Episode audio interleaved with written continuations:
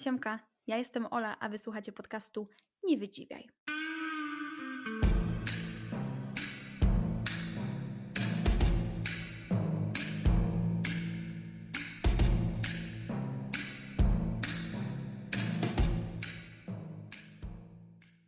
I o czym my dzisiaj będziemy rozmawiać?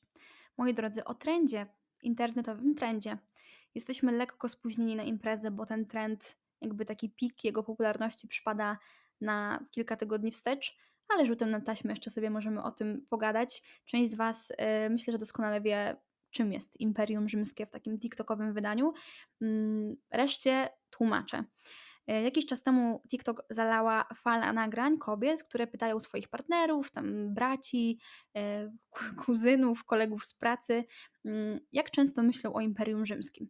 Randomowe, abstrakcyjne jak dla mnie pytanie, ale odpowiedzi jeszcze dziwniejsze, bo okazuje się, że panowie myślą o tym Imperium Rzymskim, e, nie wiem, no, kilka razy w tygodniu, w miesiącu, raz na parę miesięcy, kilka razy w roku, czyli z jakąś tam regularnością. No część oczywiście nie myśli wcale. Ale to Imperium Rzymskie stało się takim synonimem rzeczy, zjawisk, o których faceci myślą randomowo, może troszeczkę bez powodu, ale z jakąś tam regularnością, no ale myślą. Odnogą tego Imperium Rzymskiego męskiego było Imperium Rzymskie damskie, czyli co kobiety jakby mają, w sensie o czym tak sobie myślą randomowo. E, ja stwierdziłam, że też pogadam dzisiaj o moich imperiach rzymskich.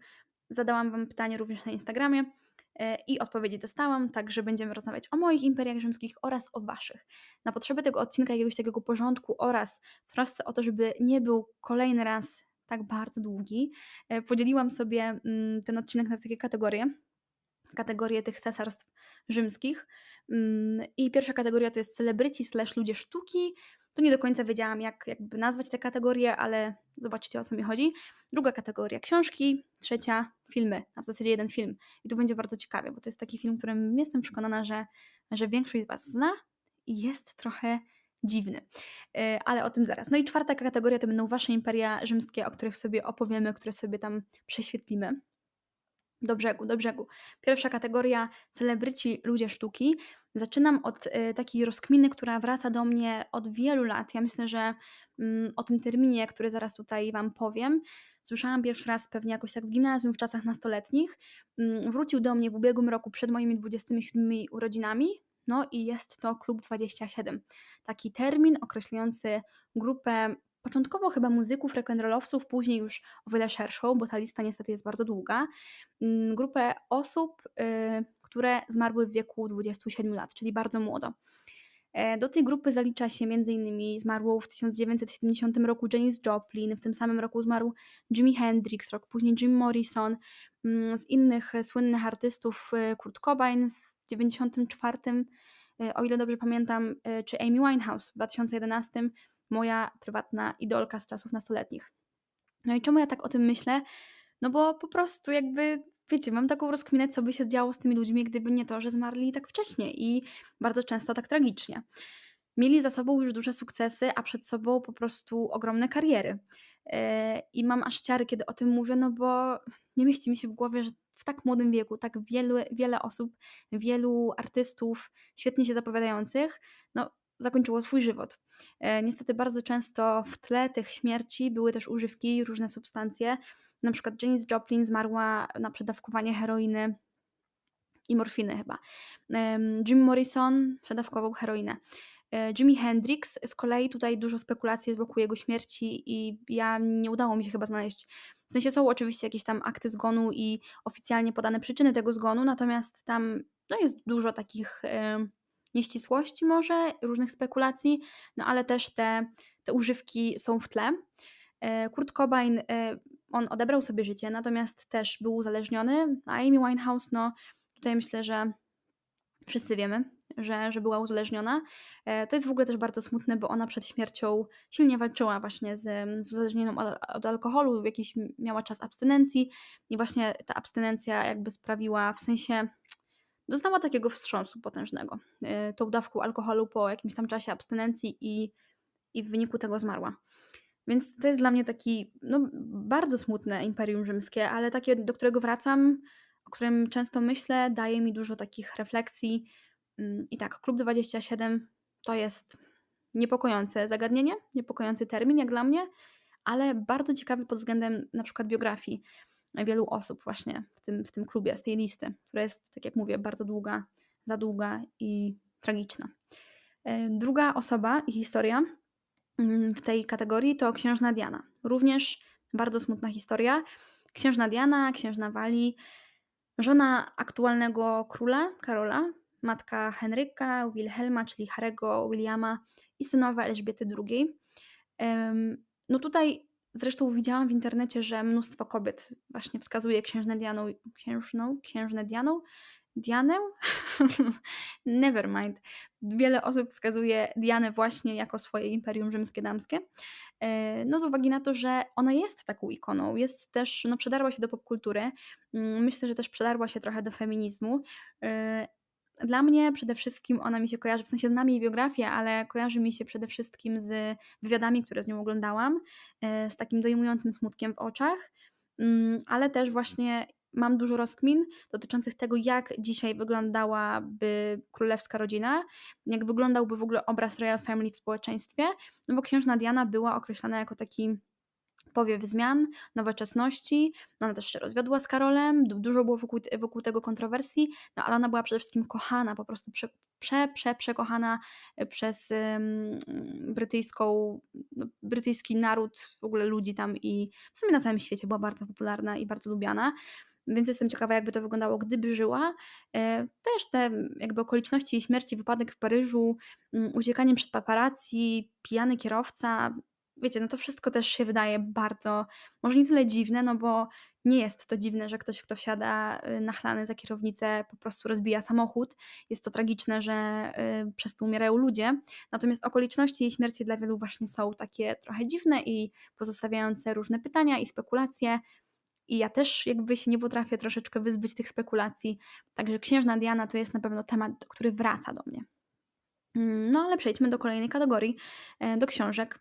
E, I tutaj mamy pewną teorię. Teorię, z którą oczywiście absolutnie nie musimy i nawet nie powinniśmy się zgadzać, bo to jest, wydaje mi się, taka bardziej teoria internetowa, krążąca, e, ale ciekawa pod pewnymi względami. A dlaczego ciekawa? Bo ja na przykład mam tak trochę, że wracając do bajek oraz animacji z dzieciństwa, dziś widzę je inaczej, dziś niepokoją mnie bardziej, rozumiem pewne rzeczy inaczej i też na przykład interpretuję to wszystko głębiej i nie w taki prosty dziecięcy sposób.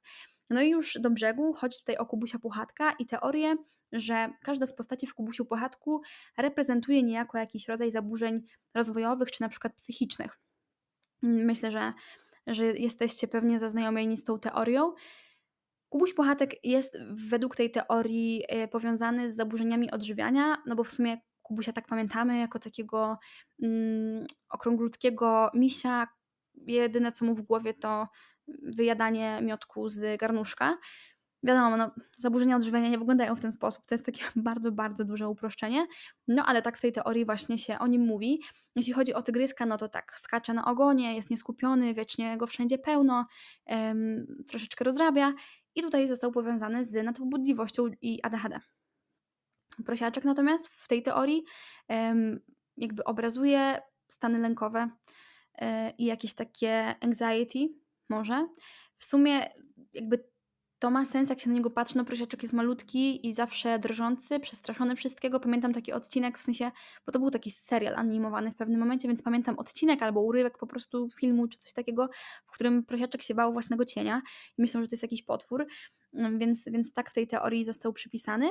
Natomiast chyba najciekawsza y, jakby postać w tej teorii to jest dla mnie sowa, bo jakoś tak nie zapamiętałam tego w ten sposób. E, sowa myli, wiecie, litery, nie potrafi dobrze czegoś tam przeczytać e, i Sowa jakby w tej teorii ma specyficzne zaburzenia umiejętności czytania, czyli dysleksję, e, takie przejęzyczanie się i tak dalej. Więc no dla mnie ta teoria jest po prostu ciekawa i jak sobie teraz na przykład odpalam, a zdarza mi się czasami odpalać, nie wiem, smurfy, jakiś chojraka tchórzliwego psa, to w ogóle jest niepokojąca bajka, ale jedna z moich ukochanych animacji z, z dzieciństwa, z Cartoon Network, E, to jak sobie na YouTube właśnie Kubusia Buchatka odpalam, to po prostu nie jest w stanie, jakby wiecie, mój mózg e, tej teorii po prostu oddzielić, w sensie wyrzucić i zapomnieć. Jakoś tak o niej myślę i wraca do mnie to czasami. Inne rzeczy jest poukrywanych w bajkach, albo może być, albo nawet nie tyle, że jest, bo autor nie miał czegoś takiego na myśli absolutnie, ale no my dzisiaj możemy to interpretować w różny sposób. Więc tak, Kolejna książka w moich imperiach rzymskich to jest, słuchajcie, Jezioro Osobliwości. Jezioro Osobliwości Krystyny Siesickiej i zdaję sobie sprawę z tego, że myślę, że wiele osób nie zna tej książki, natomiast ją naprawdę bardzo serdecznie polecam. A dlaczego jest moim imperium rzymskim? Dlatego, że wraca do mnie jak bumerang myśl o tym, jak miałam 11 lub 12 lat, na pewno było w końcowych latach podstawówki i czytałam tę książkę i to było moje takie pierwsze chyba spotkanie z taką mm, powieścią obyczajową, e, z wątkami powiedzmy tam, wiecie, uczucia między młodymi ludźmi, ale która głównie odnosiła się do takiej psychologii postaci, obserwacji relacji w rodzinie. E, Jezioro Osobliwości to jest książka z 1966 roku, więc w ogóle nie z moich czasów. Mm, tutaj też to jest ciekawe właśnie, że trochę mm, możemy obserwować dzięki tej książce czasy, których w ogóle nie znamy i ta atmosfera jest tam utrzymana, jest to bardzo ciekawe. E, natomiast to jest książka, tak szybko Wam streszczę fabułę, o Marcie. Marta jest licealistką, e, żyje sobie sama z mamą, żyją bardzo skromnie i pewnego dnia mama Marty przychodzi i mówi, słuchaj córuś, e, ja biorę ślub. A Marta nawet nie wiedziała, że mama się z kimś spotyka. No i w ich życiu pojawia się Wiktor. Mm, a jeszcze z Wiktorem pojawia się w ich życiu Michał, czyli jego syn, również nastoletni. No jak się możemy domyślić, Marta z Michałem nawiązują, wiecie, no, no romans to nie, no ale po prostu uczucie się między nimi rodzi.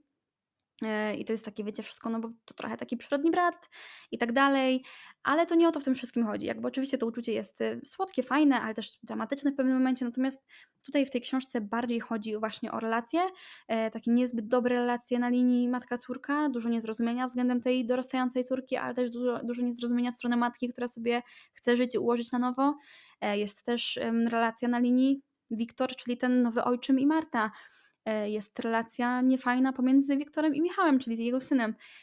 I tak jak mówię, to jest pierwsza powieść, którą ja pamiętam właśnie z dzieciństwa, która gdzieś tam wprowadziła mnie w taką, wiecie, w ogóle w to całe morze, ocean książek o relacjach międzyludzkich. I kocham, absolutnie kocham, uwielbiam, wracam myślami. No i potem oczywiście przeczytałam wszystkie książki Krystyny Siesickiej, to już jest zmarła autorka, ale wspaniała, cudowna, kocham jej pióro. Jedna z moich ulubionych polskich obok Małgorzaty Musierowicz. E, więc zachęcam Was e, do przeczytania Jeziora Osobliwości. Znajdziecie na pewno w bibliotekach. Ja w sumie chyba nie spotkałam się z tym, żeby w jakiejś bibliotece tej książki nie było. Więc tak, to są moje książkowe imperia rzymskie. Przejdźmy szybko do filmu. Film to słuchajcie Błękitna Laguna. E, rok 1980, premiera filmu Błękitna Laguna z Brooke Shields. No, myślę, że pamiętacie ten film o rozbitkach jest sobie statek tam na oceanie czy morzu, jest sztorm, e, statek się rozbija i na tej bezludnej wyspie e, lądują jakby dwa berbecie, chłopczyk i dziewczynka i tam chyba kucharz z tego statku albo jakiś taki pan z tego statku, ale on szybko umiera. E, no i te berbecie zostają na tej wyspie same. I to jest super ciekawe i to się w ogóle trochę ogląda jak taki wiecie, film, który czyta Krystyna Czubówna.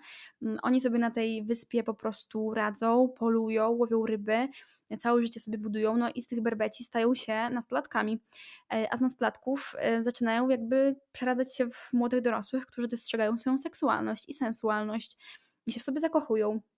Nawiązują tę relację seksualną również i my to wszystko widzimy na tym ekranie, na Pulsacie w niedzielę o 12. i oni tam w ogóle też y, no, dziecko mają i tak dalej. Dlaczego ja o tym mówię? Dlatego, że ja pamiętam, ja no, byłam gówniarą, też myślę miałam jakieś 11 lat czy coś takiego i jak pierwszy raz oglądałam Błękitną Lagunę, to to było takie, o, film o rozbitkach na morzu i tak dalej, fajnie, właśnie tak jak mówię, nie wiem, niedzielny obiad, no nie? A potem nagle po prostu sceny takie bardzo seksualno-sensualne. Yy, trzeci raz powtórzę, o 12 w niedzielę w TVN czy tam Polsacie. I do tej pory pamiętam taką moją fascynację tym, że kurczę, przecież to są właśnie rzeczy, których ja pewnie nie powinnam oglądać, a czemu to leci teraz w telewizji? I takie wiecie, na zasadzie może ktoś przyjdzie i zauważy, że ja to oglądam, a nie powinnam. A to było takie fascynujące i ciekawe, no bo wiecie, no takie rzeczy po prostu dla młodych ludzi, dzieci też często są takie, wiecie, no co tam się dzieje w sumie. Mm, więc tak to wspominam, Błękitną Lagunę.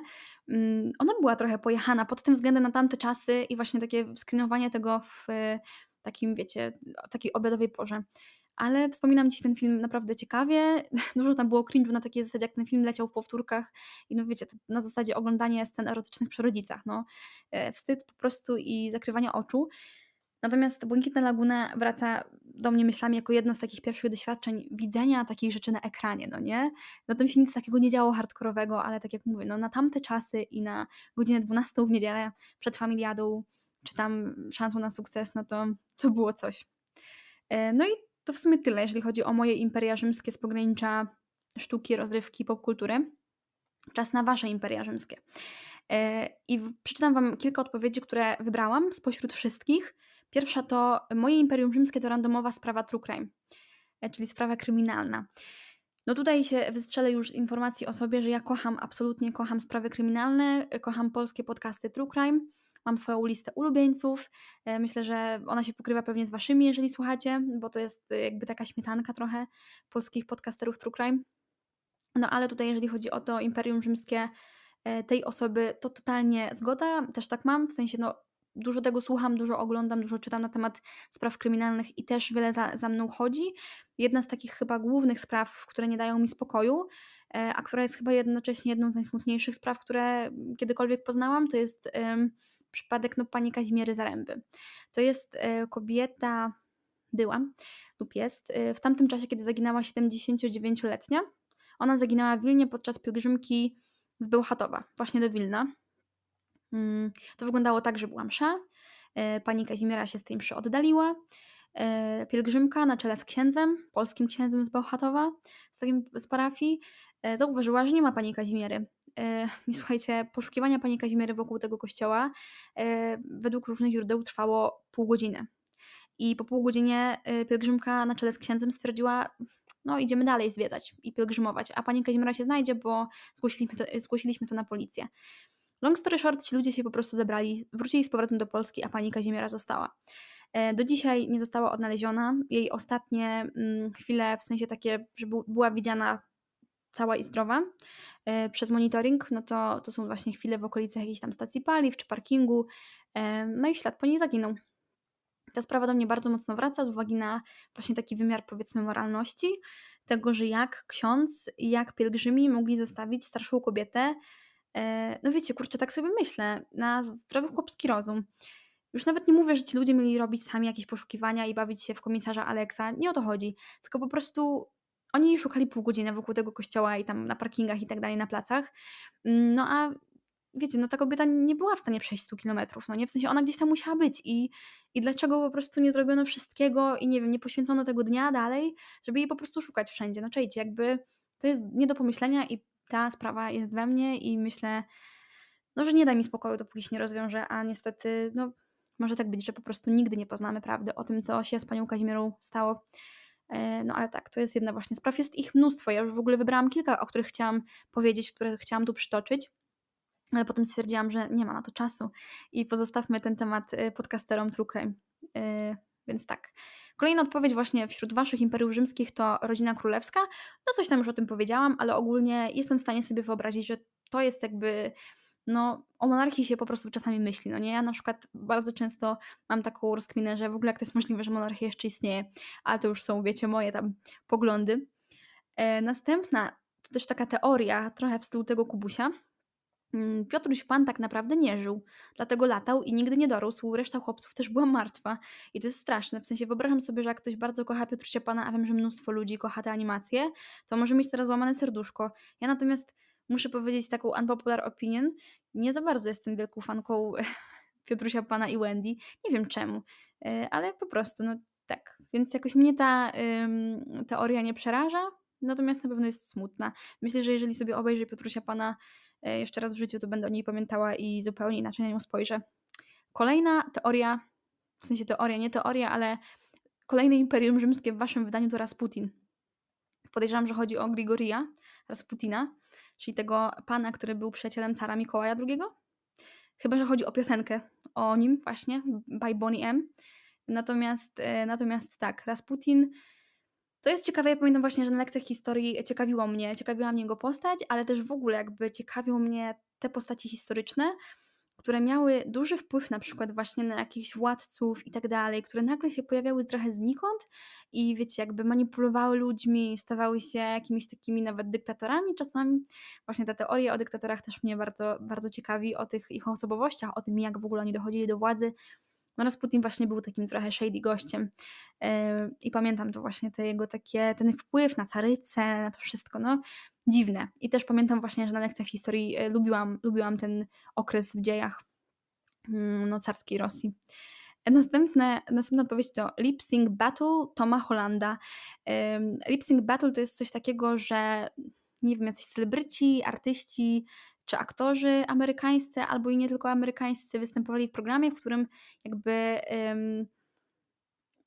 no nie wiem, nie śpiewali, tylko właśnie lip-synkowali e, jakieś tam piosenki. I Tom Holland, z tego co pamiętam, to była Umbrella z Rianą, w sensie, że on udawał Rianę, śpiewającą Umbrellę, tam sobie tańczył z parasolką totalnie nie czaję jakby hypu na Toma Hollanda i na, to, i na to nagranie, jakby sorry, ale no to nie, to nie, nie, nie jestem ja.